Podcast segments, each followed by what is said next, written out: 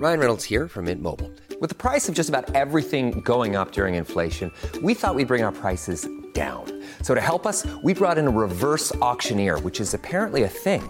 Mint Mobile unlimited premium wireless. Ready to get 30, 30, bit to get 30, bit to get 20, 20, 20, bit to get 20, 20, bit to get 15, 15, 15, 15 just 15 bucks a month. So, Give it a try at mintmobile.com slash switch.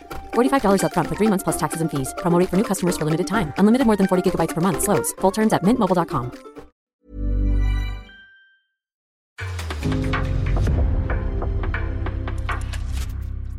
En podcast från Aftonbladet. Det må ha varit lång helg, men oj vad fotboll det har spelats. Vi dyker rakt in i landslagsveckan som har varit.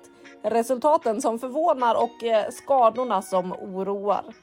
Sveriges insats eh, ska givetvis dissekeras också. Är glaset halvfullt eller halvtomt? Vilka utmaningar står blågult inför med 100 dagar kvar? Och vem kan ha hittat en VM-biljett i sitt påskägg? Ja, det ska vi såklart berätta. Så vad väntar vi på? Nu sparkar vi igång. Ja, men då säger vi hej och välkomna till en ny vecka och det har eh, sannerligen varit en intensiv vecka. Jag har faktiskt sprungit på båda er två ute på fältet eh, och med er två som menar Saga Fredriksson, Per Lagerström som jag har med mig här. Eh, per, vi sågs ju så sent som igår. Hur är läget med dig? Har du hunnit ta dig hem till Uppsala igen? Ja, jag har tagit hem. Jag tyckte det var lite kul igår att se, för jag gjorde lite som lite studiebesök i Mixzone och fick se hur alla journalister jobbade. Mitt syfte var att se ansiktena på spelarna för att kunna tolka och analysera lite. Men jag såg ju mycket ansikten på journalister också. Besvikelsen när, man inte, när folk kom, gick förbi och liksom. Det där var ju någonting allra Mixzone liksom på andra sidan. Eh, eh, det tyckte jag var väldigt spännande att uppleva faktiskt. Så det var, det, det var nästan mer, ja, det var nästan lika händelserikt som matchen. Ja, det händer mycket där nere i den där mixade zonen och alla som går förbi och så det här. Den, man ska inte underskatta split vision som man behöver ha där nere när man ska se vem kommer från höger, vem kommer från vänster, vem står var, ungefär hur långt har de kvar att prata? Hinner jag ta någon emellan? Ja, det är mycket att tänka på när man ska intervjua spelare efter matchen. Eh, Saga, hur är läget med dig? Jo, men det är bra. Det är väl lite blandat för mig för att säga. Du, du såg ju mig Anna på eh, i Göteborg. Det var ju vi Malmö FF får jag ju säga att vi är då. Eh, spelar mot IFK Göteborg i vår premiärmatch, men inte jag för att jag har gått och skadat mig. Träningen innan matchen, eh, så det det är klart att man är lite bitter där, men det var oerhört trevligt att eh, sitta vid sidan av och, och prata med dig, Anna. Så det får jag se som min liksom, höjdpunkt i det här, trots eländet. Eh, men annars så eh, hankar, jag, hankar jag mig framåt. Du säger att det var oerhört trevligt att sitta vid sidan. Du höll ju på att klättra över staketet ett tag. Det såg ut som att du var otroligt sugen på att spela fotboll igen. Ja, men man vill ju liksom ha ett finger med i spelet även om man inte är på planen. Så jag, jag satte mig verkligen liksom, för jag fick ju inte sitta på bänken tyvärr, för man måste ju ha med i den här spelarförteckningen höll jag på att säga, men, ni förstår vad jag pratar om. Men jag fick inte sitta på bänken och då satte jag mig så himla nära jag bara kunde så jag kunde hänga över staketet och prata med folket på bänken. Jag vet inte hur lagligt det är, men eh, det gjordes och eh, jag fick eh, eh, fram mina, mina tankar till mina medspelare så mycket jag bara kunde. Eh, så att eh, man får göra vad man kan när man inte får vara med. Mm, vi kan väl säga också att det blev tre poäng till Malmö FF i den här premiären. En historisk premiär mot IFK Göteborg eh, Eh, det kommer faktiskt ett reportage på Sportbladet om den här matchen eh, inom kort. Men vi kan ju notera där Per, alltså det är den tredje högsta publiksiffran i eh, seriesammanhang när det kommer till damfotboll som vi ser i damernas division 1 södra. Alltså den tredje divisionen. Vad var din reaktion på publiksiffran där 1054? Ja, jag hade hoppats på ännu mer. Nej, skämt åsido, det, det, det är inte vår värld, men det är ju det är ingen slump. Det är klart att de, vi har sett det förr. Norrköping har visat vägen och Hammarby har gjort det. Liksom, de stora publiklagen drar. Men det är också två spännande satsningar tycker jag. Eh, eh, även om inte Fredriksson är med här nu, men att Malmö har gjort det här hela vägen eh, och liksom byggt det steg för steg och även IFK Göteborg med, med liksom ett, ett ungt spännande lag och sin akademi som jag faktiskt har följt i många år där på Änglaskolan. Så att eh, det, det, är verkligen lag som har byggt det här från grunden så att eh, det, det, blir nog något alldeles extra om de fortsätter ta steg. Mm, vi får se hur mycket publikmatcher det blir mer i den där serien. Eh, Blåvitt har ju ÖIS till exempel i derbyn där. Saga, vilken match kommer ni dra mest publik på? Oj. Du satte mig på pumpen där. Ja, men jag säger väl alla, höll jag på att säga. Vi har ju världens bästa fans, så att eh, vi, vi samlar på oss en hel del folk som vill följa våra matcher, så jag tänker att alla våra hemmamatcher kommer ju bli en fröjd att hänga med på. Det var väl ett bra svar? Mycket bra svar, eh, diplomatiskt och allt. Eh, ja, vi har en hemmapremiär för Malmö att se fram emot. Eh, vi får väl se när du är tillbaka på planen också och inte bara behöver försöka låtsas klättra över där och hålla på med olagliga saker vid sidan om. Eller eventuellt otillåtna saker vid sidan om. Men hörni, vi ska väl sluta snacka om det här nu, för jag är, vet inte riktigt var jag är i tankarna. Jag har varit så överallt de senaste dagarna. Åtta arenor tror jag jag har besökt den senaste veckan bara, så att ja. Jag lämnar över till dig Per. Ta oss igenom eh, vad som har hänt sen sist. Ja, det, det är underbart. Det ska vi göra. Vi ska högt och lågt och vi kan väl börja på, eh, på Wembley. Där med tillsammans med 83 andra tusen personer som hade var publikfest när England-Brasilien möttes i Women's Finalissima, det vill säga Europamästarna mot sydamerikanska mästarna. Där England dominerade totalt 45 minuter och tänkte oj, de är ju VM guldkandidater. Och sen gör ju Brasilien 45 starka och så blir det 1-1 och så vinner på straffar. Det var bara en del, men det hände ju mycket i det här fönstret. Så att samma Brasilien som sen slår Tyskland för 32 000 borta. Så att det här undrar jag inte om den här Brasilien är en guldkandidat. England förlorar sin första match någonsin, Wigman. Vi har annars ju spännande nyheter till damallsvenskan. Julie Blackstad kommer från Manchester City till Häcken, mitt i ett fönster. Vi har ett Sverige som har en poäng att få landskampen mot Norge och Danmark. Vi återkommer till det. Kanske mer rubriker då som hände att vi ser en Kosovo Asllani. Jag tror att det var du som ställde frågan Anna. Gråtandes. Jag undrar hur allvarlig den där skadan är. Men det är en rubrik i det här svepet. Sen när vi ser Sverige-Norge. Först sätter sig Ada Egerberg ner. Skadad. Hon tar ett tecken under eh, halsen. Byter direkt. Och sen Caroline Seger också av skadad. Så att eh, det var mycket som hände och sen en ännu mer kanske tragisk händelse. Vi vet inte hur allvarligt det är såklart, men att vi fick höra från Schweiz. Lagkaptenen Lia Welti, Arsenal-spelaren, åker hem från att vara lagkapten en match, ber en paus om eh, vill, vill börja ett uppehåll från fotbollen för att eh, må bra. Eh, så att i allt det här som resultat fotboll så var mycket spännande saker men också väldigt mycket tråkiga saker. Så att eh, där har ni en kort, kort sammanfattning vad som har hänt sen sist. Halledag säger jag, för det där var verkligen högt och lågt. Alltså, det som du säger, att blanda det här eh, extrema publikflödet på Finalissima, den matchen var härlig på så många sätt, men framförallt om jag nu ska vara lite trist här för en gångs skull, precis som att jag annars är skittrevlig och glad. Men, men det hoppas jag att vi tycker. Men eh, om jag ska vara lite trist för en sekund och blicka mot det som faktiskt oroar så måste jag säga att att se Seger spela, jag tror jag räknar 14 minuter, eh, gör mig extremt oroad. Eh, att se Aslani så pass ledsen eh, i de här sammanhangen, det är klart att det också oroar för att man vet ju ändå om som spelare att, att man, man, kan sina skador på något sätt, man kan sin kropp. Och den reaktionen eh, gör mig orolig för jag tror ändå att det, det tyder på att hon, eh, hon befarar någonting värre än vad det kanske, ja, vad vi hoppas att det är såklart. Um, Velti, det är vilken spelare hon är. Man, det är en fröjd att se på henne spela fotboll och att bakom den eh, otroliga prestation hon har haft det här året så har det gömt så mycket smärta får man väl utgå från. Det är, ehm, alla de här sakerna som så här, det, det, blir allt vanligare i fotbollens värld. Vi måste hitta sätt att hantera det. Klubbarna behöver ta stora ansvar för sina spelares måenden, eh, precis som vilken arbetsgivare som helst. Men det är klart att det är jätteoroväckande och man undrar ju liksom hur mår stjärnorna egentligen? Um, hur mår de inför VM egentligen? Det, eh, det har vi nog inte svar på i, i talande stund.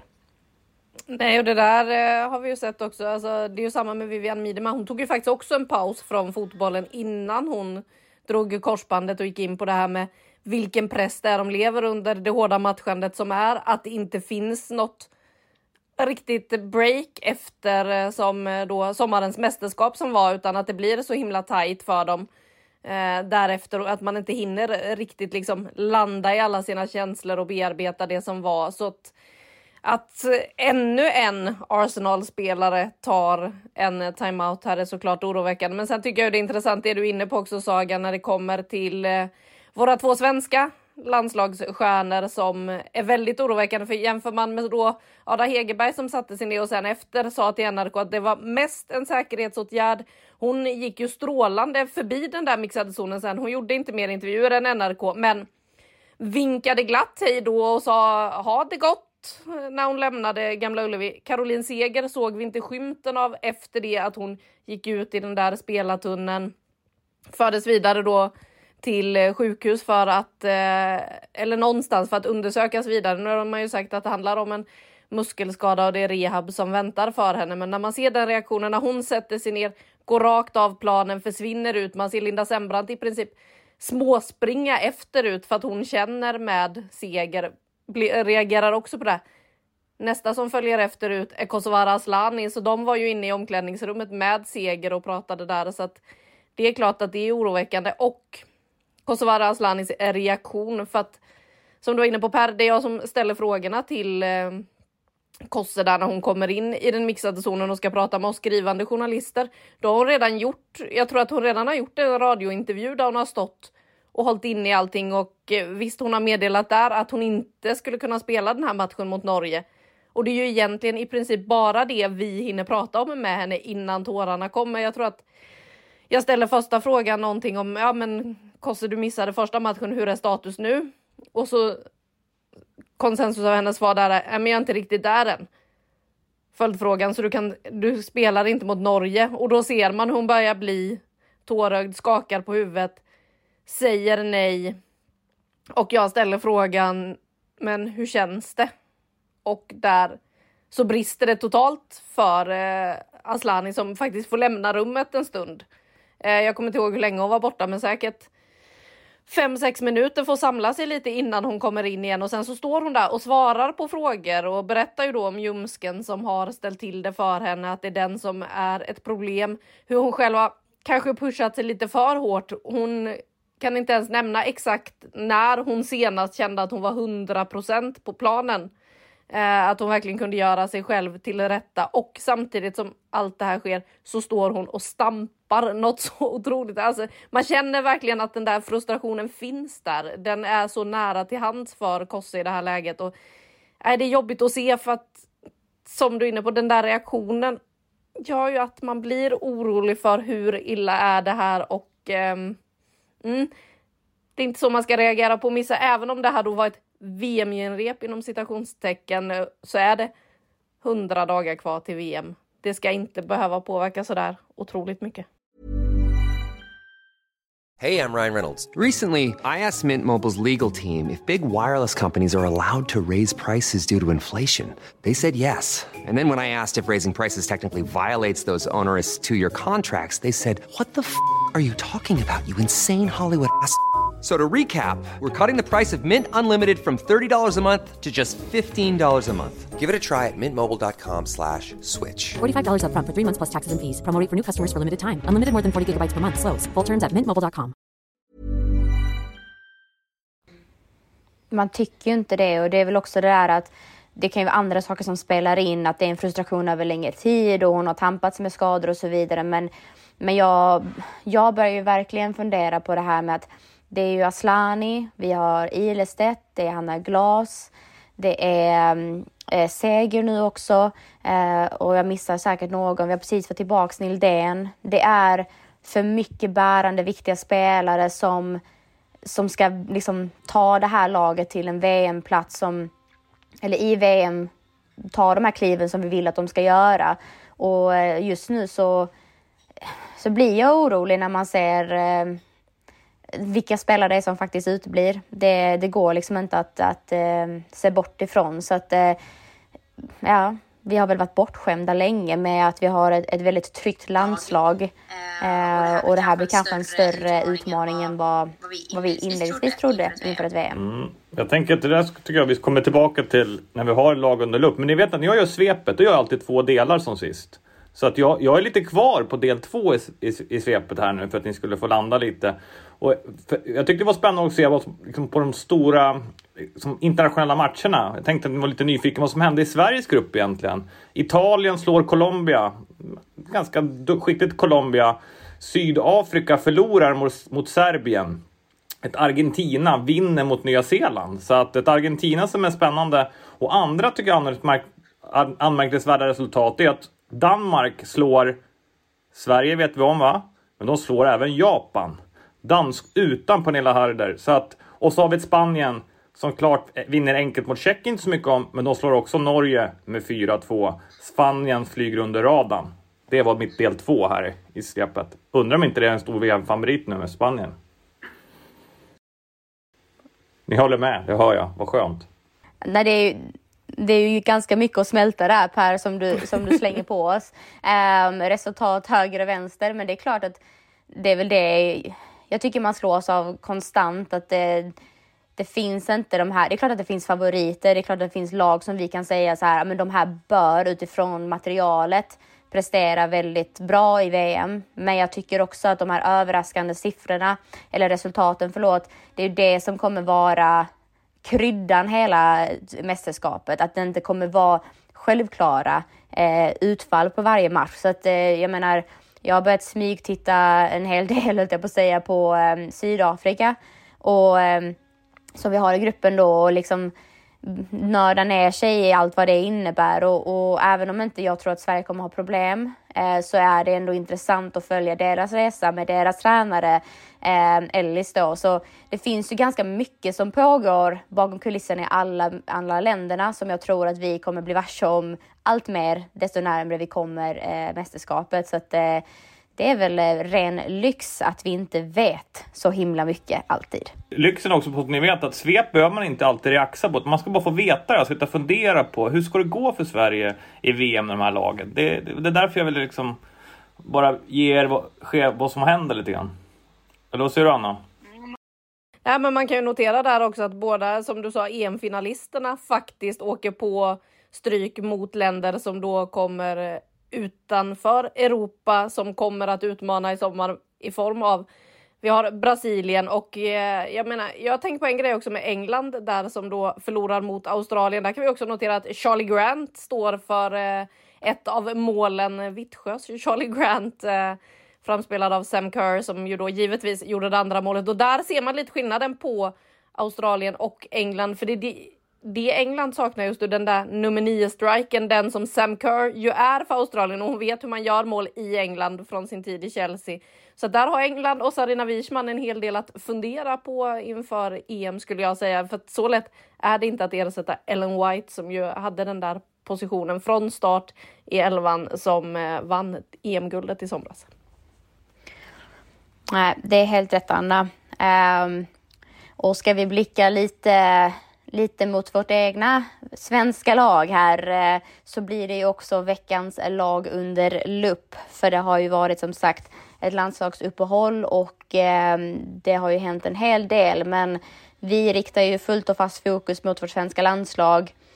Och jag tänker för att verkligen bryta ner det här och vi börjar kika på alla håll och kanter så tänker jag om vi börjar jämföra Danmark-Norge matchen, vad som stod ut, vad är det för kvitton vi tar med oss framför allt? Och från mitt eget håll, om jag bara ska dra igång eh, tankarna, så det är Danmark som är extremt duktiga defensivt. Alltså jag upplever dem som eh, oerhört strukturerade, organiserade. De, de har ju scoutat Sveriges svaghet, att spela mot ett lågt sittande försvar som inte bjuder på luckor i mittfältet. Så att jag tycker vi spelar en passiv fotboll mot Danmark. Jag tycker vi spelar reaktivt i den bemärkelsen att spelare står och väntar på vad bollhållare ska göra.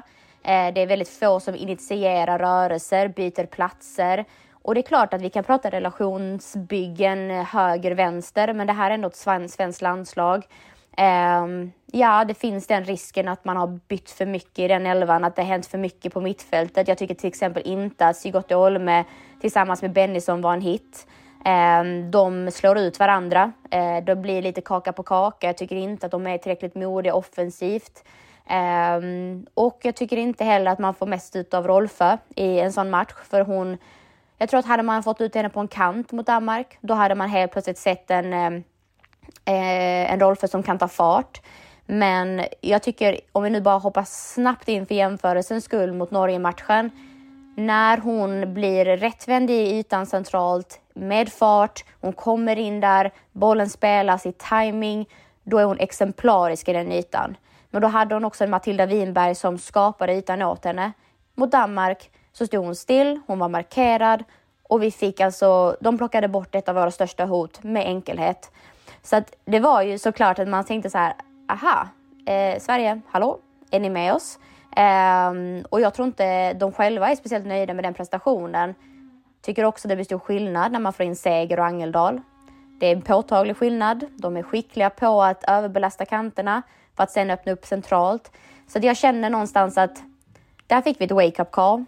Och i Norge-matchen så ser vi också hur de eh, ja, men de har lärt sig sin läxa, men vi ska inte lura oss helt. För tittar vi på Norge hur de spelar. Betydligt högre press. De är inte på egen planhalva när de börjar, utan de är faktiskt på, vår offensiv, eller på sin offensiva planhalva. Det öppnar ju upp för vårt mittfält. Så jag tror ändå, även om jag tycker det var en betydligt mycket bättre prestation mot Norge, så bjuds vi på andra ytor. Och vi inför VM, kvittot jag tar med mig är hur ska vi spela fotboll mot lågsittande försvar? Kan alla spelare göra det? Jag tror inte det. Vad är era takeaways från de här två matcherna? Men framförallt eh, det här att man släpper in mål i slutsekunderna är ju otroligt oroväckande. Att man inte är med hela vägen, att man kommer till de här lägena så att motståndarlaget kan göra mål och eh, det var ju det som liksom satt på näthinnan hos alla spelare man pratade med direkt efter också att vad fan kan vi inte stänga det här för bara? Varför ska vi åka på två sådana här käftsmällar i slutet? Det gjorde ju faktiskt att Norge-matchen också kändes som en förlust. Det blev ju trots allt 3-3, men det kändes som att Sverige förlorade den när det där målet kommer i allra sista stund och jag tycker det är intressant att se lite skillnaden på liksom hur man gick in i matcherna. För som mot Danmark, där stod man och sov i första halvlek. Man var väldigt passiva. Mot Norge, ja men då går man ut, sätter fart och sen så verkade man ju nöjda för då kommer man ut och är passiva i andra halvlek istället. Det är som att man har glömt att okej, okay, två gånger 45. Vi måste göra bra halvlekar både första och andra. Sen samtidigt, ja, Norge skruvar lite, gör en del byten, kommer ut med lite andra tankar och idéer i andra halvlek. Men Sverige måste ju kunna möta det där mycket snabbare. Man ska inte behöva släppa in tre mål mot ett lag som Norge, för som de spelarna själva var inne på också efteråt att ja, men gör vi tre mål så ska vi ju vinna matchen. Man ska inte släppa in tre mål också så att eh, det där passiva försvarsspelet, det är lite oroväckande. Det tycker jag är lite oroväckande. Sen tycker jag det är väldigt skönt att se att Peter Gerhardsson har en sån spelare som Nathalie Björn som han kan slänga in i princip vad som helst. Det kommer han behöva i sommar med tanke på skadeläget vi har varit inne på. Hon eh, har sin, eh, alltså dels sin passningsfot, hon har sin ledarstil och kan användas på flera positioner. Jag menar i somras EM såg vi ju henne på innermittfältet som ersättare till Caroline Seger flera gånger. Så att eh, det är nog en av de spelarna som vi verkligen måste se till att hon håller sig hel så att hon kan fylla alla luckor i sommar. Spännande alltså. Ni, ni, skulle kunna få välja här om ni vill att glaset är halvt fullt eller om det är halvt slut. För jag, jag har två helt olika perspektiv på det här landslaget. Vad är ni mest sugna på? Halvfullt för vi behöver lite energi Per. Då ska du få det. Dels så tror jag då, dels, jag träffade faktiskt Peter Gerhardsson efter Norge-matchen. Eh, dels tror jag att det är väldigt bra att laget gör sämre prestationer när de är på en samling och får hantera det under en period ihop. För jag tror att man växer som individ, att man får reda, alltså det blir det, det kanske precis som, jag vet inte om man bråkar med någon, ibland är man riktigt ärlig och man behöver ta, ta på de, liksom, de svåra frågorna, de ärliga frågorna. Att det gissar jag kanske kommer fram. De har förlorat stora turneringar, sista matchen, då åker man hem. Jag pratade om att de förlorade mot Ukraina en gång, men då flög de till Sverige. Det var väl liksom nästa, det är väl de förlusterna de har. Och det tror jag kommer kunna stärka både laget och kanske Peter Gerhardssons sätt och leda teamets sätt. Så det tycker jag är intressant. Jag tycker också att det är väldigt intressant att se vilken förändring, och även mot Danmark-matchen, när vi gör bytena. När vi får ett spelare som spelar, tycker jag, det spel Sverige vill spela. Man pratar om att spela mycket framåt. Det vill säga in i mittfältare som blir spelbara och sätta bollar framåt. Det, och, och, när, och det gör också det. Jag tror att nu får vi se om vi får tillbaka alla, men det halvfulla i det gör det är att när Sverige spelar sin bästa elva, då blir det en hel dimension till. Alltså vi, jag tycker vi dominerar totalt första halvlek mot Norge. Då har vi inte riktigt ens den bästa elvan, men när pressspelet sitter, men med några spelare till. Björn löser det utmärkt som högerback, men kanske så att, att, att Ilestedt som är en, kanske ännu mer van där och så kan man vrida lite mer, spela där och Björn i mitten. Så, så och Filippa Angedal måste vara given i det här laget och spelar inte hon så spelar nu spelar Rubensson som vi såg i Kina. Så jag tror när Sverige sätter liksom samtliga elva spelare som är bäst på banan. Det kommer bli riktigt, riktigt bra. Det var det halvfulla glaset. Men där håller jag med dig. Alltså jag tror inte att det är problematiken med det här landslaget för den högsta nivån som vi har. Det är få lag som slår oss så att jag där känner jag verkligen sån supertillit till att ha vi alla tillgängliga. Men det är ett stort om. För att om nu jag ska vara lite det halvtomma glaset här så tycker jag väl att problematiken är lägsta nivån. Det är inte högsta nivån utan när Sverige måste, de måste höja sin lägsta nivå och komma upp i den på, på alla positioner. Eh, en annan poäng i detta, för om vi tittar lite på, på VM-aktuella, eh, jag har två separata grejer här, men Rubensson, hon saknas. Alltså utan tvekan tycker jag hon saknas. Det är en Sigurd Olme som är inne på, på planen istället. Um, om jag bollar frågan till er, tycker ni att, att Olma har slagit sig in givet i en VM-trupp eller ligger hon på gränsen utifrån prestationen i uh, de här två matcherna? På gränsen i min bok. På gränsen för att vi har ganska få alternativ centralt på mittfältet. Men som, som vi är inne på, för mig är, är Filippa Angedal alltså så given som de kan Jag tycker det, om vi pratar faktiskt ryggrad sist, för mig är Filippa Angel kanske den allra viktigaste spelaren i det här, för det finns ingen annan som henne nu i hela laget. Och sen, det, sen är det svårt att säga, men just Rubensson, jag hade äran att träffa även henne. Hon säger att hennes siffra, alltså hennes eh, fysik bättre än någonsin, hennes löpstyrka bättre än någonsin. Och det tror jag man kan få in bredvid liksom, eh, Filippa Angedal där. Så att, eh, och sen behöver vi, däremot så behöver vi fler centrala mittfältare. Så den här, liksom, Caroline Seger vet vi inte vad som händer med nu. Vi måste fundera på vilka fler spelare ska spela där. Tycker det är tydligt, som du är inne på, att Hanna Bennison kanske är ännu bättre eh, högre upp i banan. Där, där, om man ser hon hoppa in i en boll, hon kan dra ett avslut, hon spelar liksom mer en pocketspelare än att hämta boll i ett landslag längst ner och bli spelfördelare. Så att den positionen är öppen och där har man inte så mycket tid. Jag kan väl få också säga då att glaset är halvfullt, för, eh, eller halvtomt. För att det, det är det som ändå oroar om vi tittar på målen de släpper in. Att jag förstår att man vill testa. Jag har nog också gjort så. Man, man vill ha svar. De är så trygga tror jag, Gerhardsson och Wikman, att de vet sätter vi första elvan så gör vi det. Men lite problemet nu med de här skadorna är att de blir tvingade att, att, att göra mer förflyttningar. Nathalie Björn, fantastiskt, men ärligt talat, hon, om hon hade spelat högerback i alla matcher, då hade hon kanske inte varit för högt upp när Linda Sembrant går in och tar en duell. Då hade hon kanske fatt, tänkt att jag alltid högerback. Central back tar duellen, jag faller ur. Eh, eller när eh, tre, tre målen kommer så är det också lite liksom, svårigheten att spela med olika spelare på olika positioner. Då finns där ryggmärgen och det det blir lite... Jag tror att de behövde göra fler förändringar än vad de ville. Och det var ju också den feedback de hade från EM med covid. Att de fick göra för mycket. Alltså de ville inte göra så mycket förändringar. De blev tvingade till det. Och här tror jag att man faktiskt måste börja välja nu och spela in spelarna. För det sista som är liksom det största negativa, det är just att det sätter massa griller i huvudet att släppa in mål på övertid, att inte vinna mot Danmark. Man såg hur glada de blev när de gjorde 3-2 och sen hur sura de blev Alltså hade det varit 3-2 hade det varit en helt annan stämning i den där mixen. Även tror jag journalisterna. Men nu blev det 3-3 och det tar på dem. Jag vet inte om ni kommer ihåg, men jag kommer ihåg för jag var på plats i VM 2015 när Sundhage spelade där. Då förlorade vi massa matcher inför. Alltså någon match mot Schweiz och jättekonstiga förluster som vi var bättre än. Och det hängde med i VM. Så att det får vi verkligen hoppas att eh, eh men då, jag tyckte, då tyckte jag problemet var större, för då hade vi inte en högsta nivå som var här. Det, det gör ändå att jag... Äh, vi dricker, det, det här vattnet kommer fyllas upp. Det här blir bra. Vi, vi, med, vi, är, vi har guldchans. Men låt oss titta på då hur vi fyller upp det, för att det är faktiskt många positiva saker också som vi ser, i alla fall tycker jag, i den här samlingen. Och nu ska jag utmana er rejält med ett ultimatum. Om ni måste välja mellan Matilda Winberg, Rosa Kafaji eller Anna Sandberg. Det är helt olika positioner, det är jag medveten om, men bara en får följa med till VM. Vem får följa med? Jätteenkelt. Matilda Winberg ty tycker jag ju.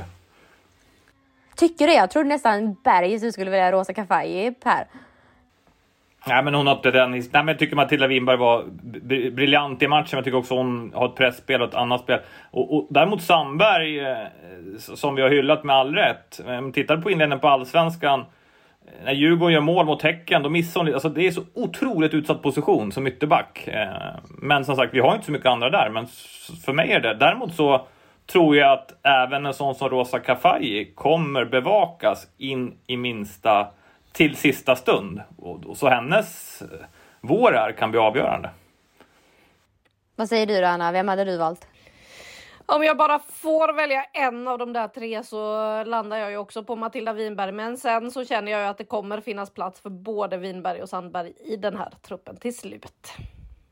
Men det är det här jag menar hörni, liksom, Eh, för vi kan ju verkligen, verkligen dissekera stackars Sverige här och, och, prata om allt som skulle kunna vara bättre. Men vi har ju extremt många duktiga spelare som knackar på dörren och med rätt timing, rätt tillfälle så skulle de kunna vara en stor bidragande faktor till, till positiva effekter för svensk fotboll.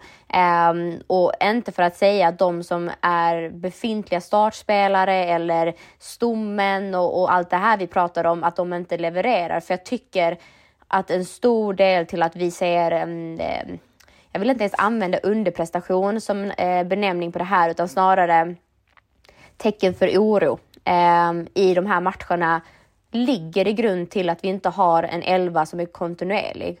Och man måste ha respekt för det. Alltså jag, eh, som sagt, jag har väl inlett den här podden lite småbittert och tycker väl att mm, vad är det för varningsklockor vi ser här. Du är Men skadad också man, ju, eller hur? Så du ja, är exakt. Det är allting bara piles up. Det, de får ha lite så här överseende med mig idag.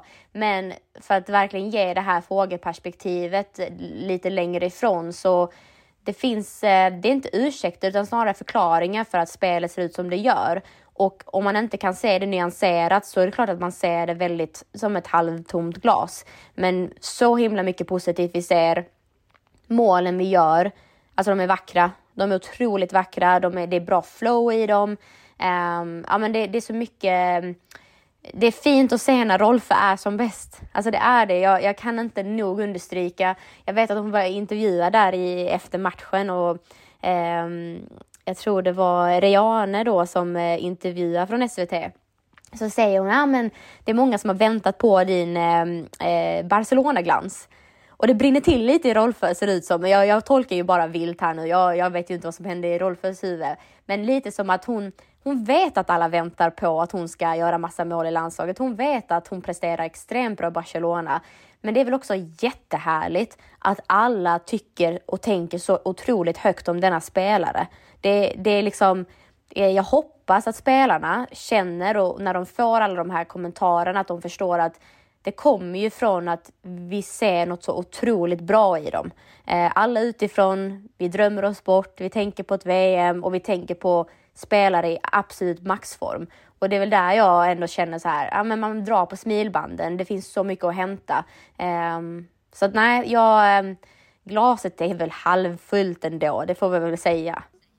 Ja, och eh, vi kan, jag kan haka i där, för just det där reagerar jag också på med Fridolina Rolfö, för efter Danmarksmatchen så var hon den som var absolut mest kritisk när hon kom ut efter matchen. Man såg hur det nästan rök ur öronen på henne, för hon var så frustrerad över att liksom hon själv inte fick det att lossna, att Sverige inte får det att lossna. Och det känns som att hon liksom hade samlat ihop all den där energin till att gå in på Gamla Ullevi och bara känna att okej, okay, men nu ska jag visa vägen. Och när hon har bestämt sig, det är ju det man ser på 1-0 målet också. Alltså hon, det är som att resten av världen försvinner runt henne. Hon ska bara fram. Eh, hon sa själv att ja, men, jag såg ju att Matilda fanns där och tänkte väl ha passat henne, men så kommer det någon, då drar hon på sig en försvarare och så öppnar sig gatan för Rolfö som kan fortsätta framåt och göra det där 1-0 målet och att just se den beslutsamheten, den bestämdheten.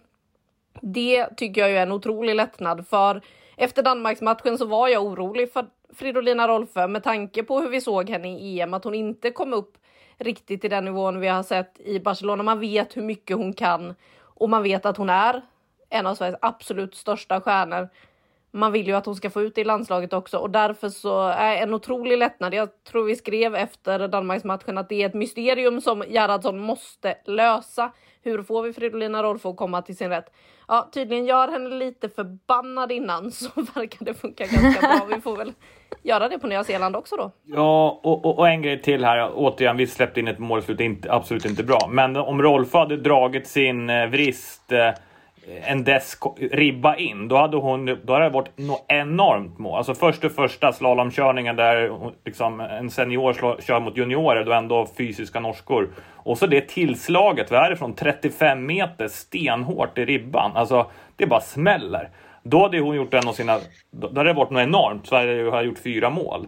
Så att hon har vid Blackstenius, man såg ju när hon började springa när hon kom in. Jäklar vad fort det går! Eh, och så Rytting vet vad hon kan hitta på. Det finns Elina Hurtig som kan nicka som säkert vill in eh, i det här. Eh, liksom, så att typ offensiv, Matilda Wimab tycker jag var briljant. Alltså, offensiven är ju hur lugn som helst. Där finns det alternativ. Blomqvist, smart spelare. Men vi måste ju få någon, vi skulle, vi skulle få någon som blommar nu i backlinjen. Alltså vi skulle behöva att Lundqvist behöver ta steg, inte mycket hon spelar, Atletico Madrid. Stina Lennartsson måste, hon måste vara briljant i Linköping. Helst någon... Det är ju här, vi skulle verkligen behöva den delen så att konkurrensen hårdnar eh, längst bak. Hela vägen ner till målvaktsdelen. Någon måste ju också vara stjärna där. Liksom. Mm, ska vi ta oss in på veckans snackis då? Jag bollade upp för den redan förra veckan. Frågan om första målvakt. Ska Sverige ha en uttalad första målvakt när man åker? Sett till de här två landskamperna så finns det ju inte just nu. De fick, som jag gissade, stå varsin match. Zecira Musovic i Malmö, Jennifer Falk i Göteborg. Och eh, om man nu ska ha en först, uttalad första målvakt, vem är det som ska stå? Eller ja, oavsett vem ska stå i VM-premiären enligt er? Ja, vem ska hugga först? Ja, men får se. Ja, men jag tänker så här, kanske lite alibi, men jag tror med facit i hand, så uppfattar, när man tittar på matcherna, jag tycker det ser ut som båda målvakterna hade behövt fått det här inför den här samlingen. Det vill säga, jag tycker, jag, jag hörde Cecilia Musovic fick en hel del beröm. Jag tycker hon är lite, ser lite machovan ut i vissa situationer faktiskt i den matchen, även om hon har en pondus. Jag tycker inte att det är klockrent hela vägen, men det är ingen, som, det är absolut inga stora missar heller. Det är samma med Falk. Jag tycker det känns som att hon be behöver bevisa väldigt mycket. Jag är inte heller en dålig match, men inte en liksom, briljant match heller. Och, för det kändes som att båda behövde bevisa sig och svaret, vi fick inga svar tycker jag i de här landskamperna. Och då blir ju frågan nu, ska han ta upp telefonen och, och, eller ta ett samtal efter? Nu, nu vet du vad, nu kommer du bli första vakt här. Och så ska de träna i 99 dagar tills du startar. Så nu tror jag tyvärr att det är too late. Nu måste man titta på alla matcher och så får man kanske ta det här beslutet när man kommer till VM-samlingen mot ut truppen. Då tycker jag att man ska ge en signal till en av dem. Mm. Alltså, det, det, du summerar det väldigt bra Per, för jag, jag känner samma. Det finns liksom ingenting. Jag tycker inte någon av dem grep det här, den här samlingen. Eh, vi är såklart inte där på alla träningar. Vi ser inte vad målvaktstränarna ser, men jag anser inte att utifrån matcherna hur det har sett ut att jag bara så här, okej, okay, men hon är given. Um, jag tycker någonstans att det blir upp till bevis i det, det som är kvar av ligan på, på engelska sidan såklart och givetvis damallsvenskan fram till VM, att det är det som kommer att avgöra.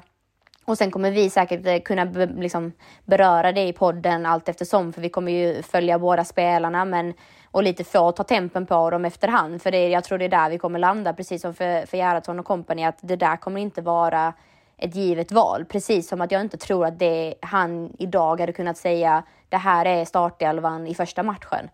Uh, för vi vet helt enkelt inte. Så att snackisen, ja Anna, den, den, ehm, den kommer nog ta med tusan leva vidare ett bra tag till. Kanske till den dagen vi ser och blåser igång första visslan på, på första matchen i VM. För att uh, så oklar är den.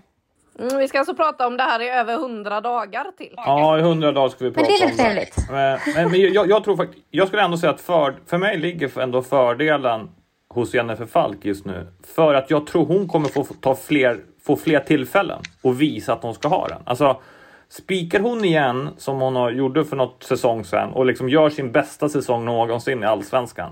Då kommer hon att stå i Häcken och då tror jag hon kommer bli första målvakt.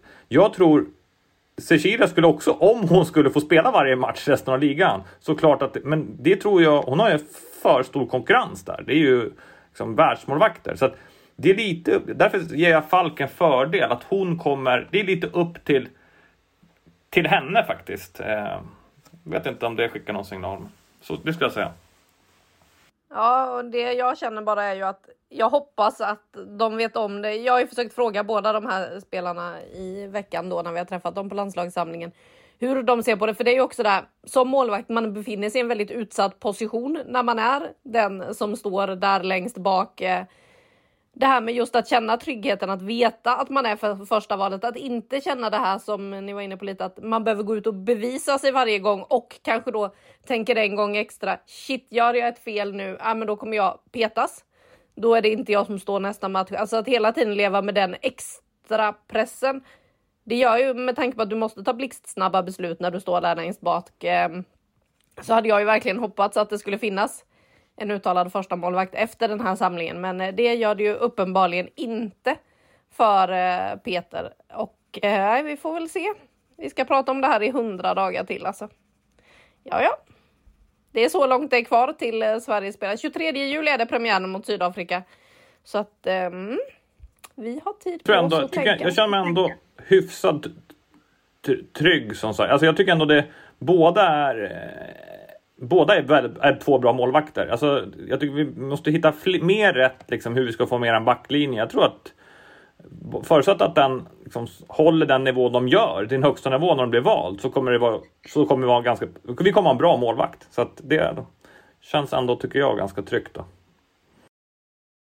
Ja, vi eh, landar där och eh, försöker hålla lugnet i allt det här och inte se alla oros. Ja, det tycker jag låter jättebra. Eh, hörni, vi blickar framåt lite då. Eh, nu är det ju faktiskt eh, seriespel på gång igen. Vad ser ni fram emot härnäst? Eh, per, om du ska välja en match som du ser fram emot, vilken väljer du?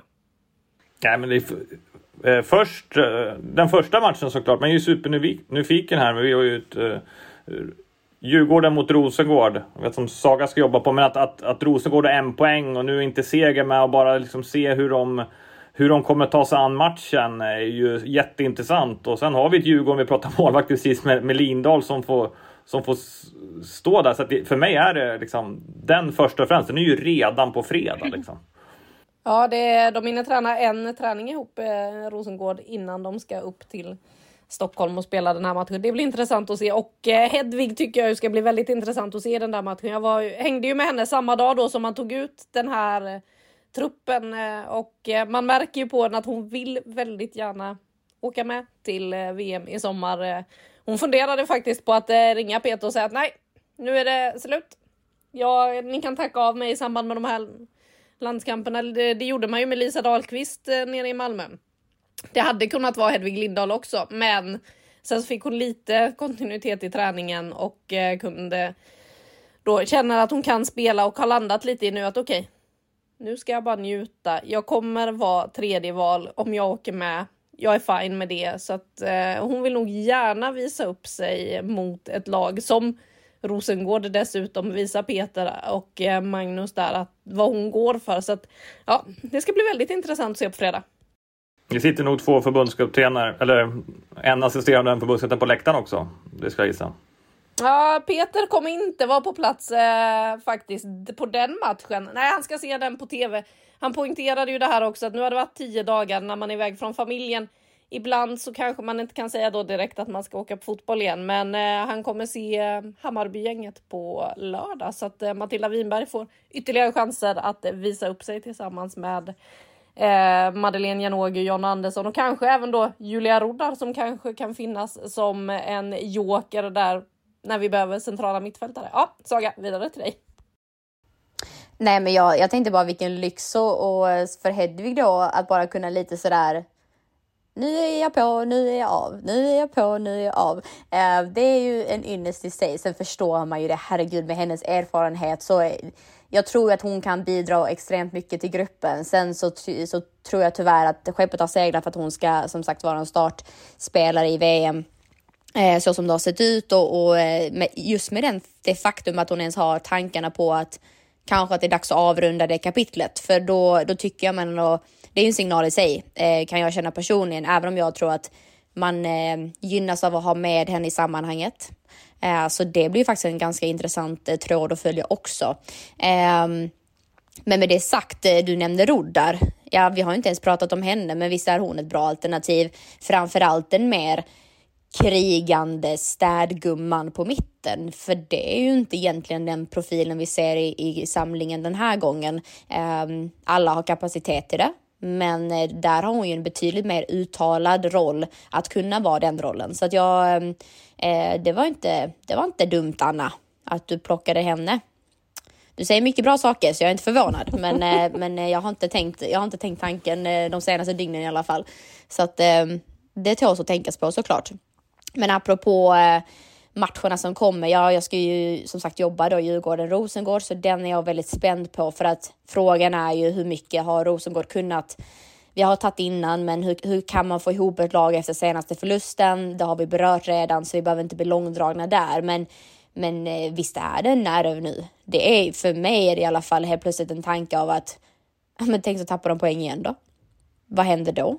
Alltså värre saker har hänt i fotbollsvärlden höll jag på att säga och stora rockader har skett. Så att det är klart att eh, man, man undrar ju vad det är, eh, vilken actionplan Rosengård har om det nu skulle gå eh, emot dem på fredag. Eh, Djurgården å andra sidan, de har ju i två veckor i princip kunnat arbeta mot den här matchen och, och funderat ut taktik och eh, alla anfallsvinklar. Så att eh, det blir också intressant att se hur de kan hoppa upp på hästen igen efter Örebroförlusten och eh, hur, liksom, hur de har slickat såren och, och vilken framfart de tänker eh, genomföra. Det blir ju på Grimsta, det blir alltså inte Stockholms stadion, så det är väl eh, den enda lilla grejen för Djurgårdens del, men det är ju ingenting som är skillnad från det de har haft här eh, egentligen.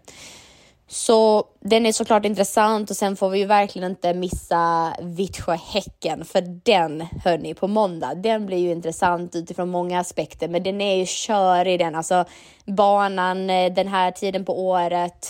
Eh, Vittsjö fick ju inte spela där i sin premiär än så att eh, den där matchen generellt är ju alltid intressant. Eh, jag tror den blir grymt tuff. Jag tror det kommer bli mycket smällar. Um, och uh, vi får väl egentligen se vem som är last women standing, woman standing, kan man inte riktigt säga women standing i den matchen. Ja men jo, och, och verkligen, men också är det ju så, om vi pratar lite VM här nu när det är landslagstänket, då stannar man ju kvar i den matchen. Liksom dels att se de australiensiska spelarna på Vittsjö IP som har precis gått slaget obesegrade England liksom. Och Gorry dominerar inne mitt fält och Grant gör mål och Polkenhorn håller tätt. Att, att få se dem på vitt skipe, bara det är ju är, värt entrén. Men sen då så ska vi få se Rubensson, för där har vi svaret på att vi har en briljant inne mitt fält där. Tyvärr inte Kurmark, för det har vi, hon har vi nästan glömt bort. Hon är ju skadad. Eh, men med det sagt, en Anna Anvegård som jag också träffade, som vill vara med i landslaget, är Rosa Kafaji som inte räknar bort det. Så att eh, en Josefin Rybrink i mittlåset. En Hanna Wik till höger. Det skulle men Nelhage, vi såg vad han gjorde. Alltså det, det är ju så mycket spelare på den här planen som är relevanta även för landslag så att eh, den där får man inte missa. Nej, jag tycker det blir, ska bli intressant att se Häcken på gräs igen också, för jag kan säga att de var inte helt nöjda efter att ha spelat i Växjö där de kände att bollen studsar lite åt alla håll och kanter och man är inte riktigt van vid det. Anna Anvegård påpekade det bland annat efter den där matchen när de ändå då fick islossning mot eh, Växjö DFF och Anvegård borde ju egentligen vara van med tanke på att det är hennes gamla klubb, det är hennes gamla, gamla hemmaplan. Hon borde känna till den där gräsmattan men ja, nej, hon sa det också att mm, jo, nästa match är ju alltså Vittsjö, ja. Ja, då är det gräs igen. Så att, eh, men de får, får ju en bonus. Då, då, på tal om last woman standing. Eh, Julie Blackstad, vad hon gjorde på slutet mot Sverige. Först inlägget och sen så hon gillar ju att smälla på. Vilka duell, det är hon som Gud, får fram bollen ja. till Frida Månum. Så att hon får göra premiär, så att hon var till aktuell att starta har jag rykten om. Men från City till Vittsjö IP. Det, det, är, det är också Magiskt. en historia i sig. Eh, alltså och, och, det är magiska kontraster. Ja, det är magiskt. Det är magiskt det här, den här ligan. Ja, men visst är det det. Och det är, men faktiskt ärligt talat, det, det är ju det är så intressant det där hur eh, jag tänker på just Blackstad så är att hon kan komma in, och göra ett inhopp och är en så stor eh, Alltså hon har så stor effekt på spelet. Det tycker jag är extremt imponerande. Eh, den vänsterfoten skojar man inte bort, men det är ju fysiken. Alltså jag älskar, älskar, älskar anfallsspelare som också är riviga som in i bänken. Ungefär som en Markstedt på andra sidan idag, alltså i Vittsjö. Men det är någonting med när de inte bara är, har finessen, utan när de också bara är riktigt jäkla brunkiga, då tycker jag det är, det är liksom bästa kombinationen av en anfallare för mig. Eh, och där tycker jag man får lite det av varje i, i Blackstad. Eh, så det, det, det, är jag väldigt spänd på att se om, om hon nu är, är fullt tillgänglig eh, för den matchen. Mm, två matcher där som vi pinpointar lite extra då inför den här helgen och eh, alla matcher går ju att se på Viaplay för de som inte har möjlighet att ta sig till arenorna. Vi får väl hoppas på att några kan utmana de där IFK Göteborg och Malmö FF som håller på i division 1 södra och ska dra en massa publik. Eh, ja, upp till bevis att störa storlagen här nu. Eh, men hörni, vi har ju fem plus också, för det är ju det som den här podden heter. Vem får fem plus den här veckan? Vem av er ska dra den? Vill du Per eller ska jag? Nej, men det ska du få göra Saga. För du, du hade ju redan messat dem direkt efter matchen. Jag kan inte hålla mig. Alltså, om inte Matilda Winberg får fem plus, då sa jag då river jag av håret. För att jag vill verkligen berätta varför, inte bara för att jag tycker att hon gör ett bra inhopp, men man måste förstå varför hon är så imponerande. Det är för att man kan se att hon har en tanke i varje aktion hon gör. Hon lyckas inte med allt, men ursäkta, vem gör det på planen? Men att komma in som så ung i, det liksom, i landslaget, A-landslaget och hon ursäktar sig inte. Hon går in och spelar samma spel hon gör mot Hammarby. Hon har en medvetenhet om vilket håll hon ska vända sig när hon är felvänd. Hennes tillslag är otroligt. Hennes öga för spelet är få förunnat. Och det är en extremt intressant spelare som bara har tagit raketsteg de senaste två åren skulle jag vilja säga. Så att fem plus till Matilda Winberg för hennes otroliga start mot eh, Norge och matchen igenom. Vi kan väl ta och lyssna på hur hon själv eh, reagerar då. Jag tror att hon kanske reagerar lika mycket på det här beskedet då som eh, när hon fick veta att hon skulle få göra sin första match från start. Eh, det var ett chockerande beslut faktiskt. Eh, det såg jag inte komma, eh, men jag vill inte heller bli för överraskad på det heller utan jag är ändå uttagen eh, nu inför sista, alltså sista landslagssamlingen innan VM. så att få den chansen från start var men också så här att det gav mig ändå bra självförtroende att jag ville bara ut och visa från start. Ja, det kändes som att det syntes där ute också. Du kliver in i duellerna och sådär. Hur eh, var det att faktiskt vara med från start? Hur upplever du din egen insats idag? Det var skitjobbigt. Men eh, riktigt kul alltså. Jag, första halvlek, eh, jag är helt slut i, i paus om jag ska vara ärlig. Men det är det jobbet som krävs för att vinna bollen högt och sätta den höga pressen hela tiden. För det, det gynnade oss, framförallt första halvlek. Vi var mycket boll och skapade så halvchanser och jag tror att 1-0 målet är tack vare en hög press där med. Så att ja. Var det jobbigare än du trodde? Ja, det var det. det ska jag. Ja, alltså det är internationell nivå. Jag har ju, det här är min tredje landskamp och min första från start så att jag var ju förberedd på att det kommer vara mycket, mycket mer jobbigare än vad det kanske är i klubblaget. Eh, och det, det var det absolut. Mm, totalt chockerande och det var jävligt jobbigt att spela. Hon är ärlig i alla fall. det är hon verkligen. Hon är en riktig stjärna på eh, både TikTok och, och andra sociala medier. Hon, hon bjuder ju på sig själv. Ja, det gillar man. Ja, men om du ger fem plus, då ger jag, då ger jag en VM-biljett på den där eh, startmatchen. Jag, det, jag tror att hon spelar in det. Försvarsspelet, anfallsspelet, göra skillnad. Det var ett genombrott utan dess like. Sen såklart är det hård konkurrens. Så att de får, mig får en VM-biljett om hon får fem plus från dig. Snyggt! Herregud, Dubbelt delar... upp för Winberg. här delar vi ut saker till höger och vänster. Bra dag för Matilda Winberg där utan att hon har en aning om det. Hörni, jag tackar så hemskt mycket för att eh, ni har suttit här och snackat med mig och framförallt er som har lyssnat på oss hela vägen. Och jag ser fram emot att få Sagas ljudfiler lite extra och se om den är djurens värld 3 den här gången. Oh, alla, is. som har, ja, alla som har telefonen vet att den döps över vad man är och av någon anledning så befinner sig Saga varje vecka i djurens värld. Med det så säger vi tack för den här veckan. Vi hörs nästa vecka. Tack och bock! Jag dör.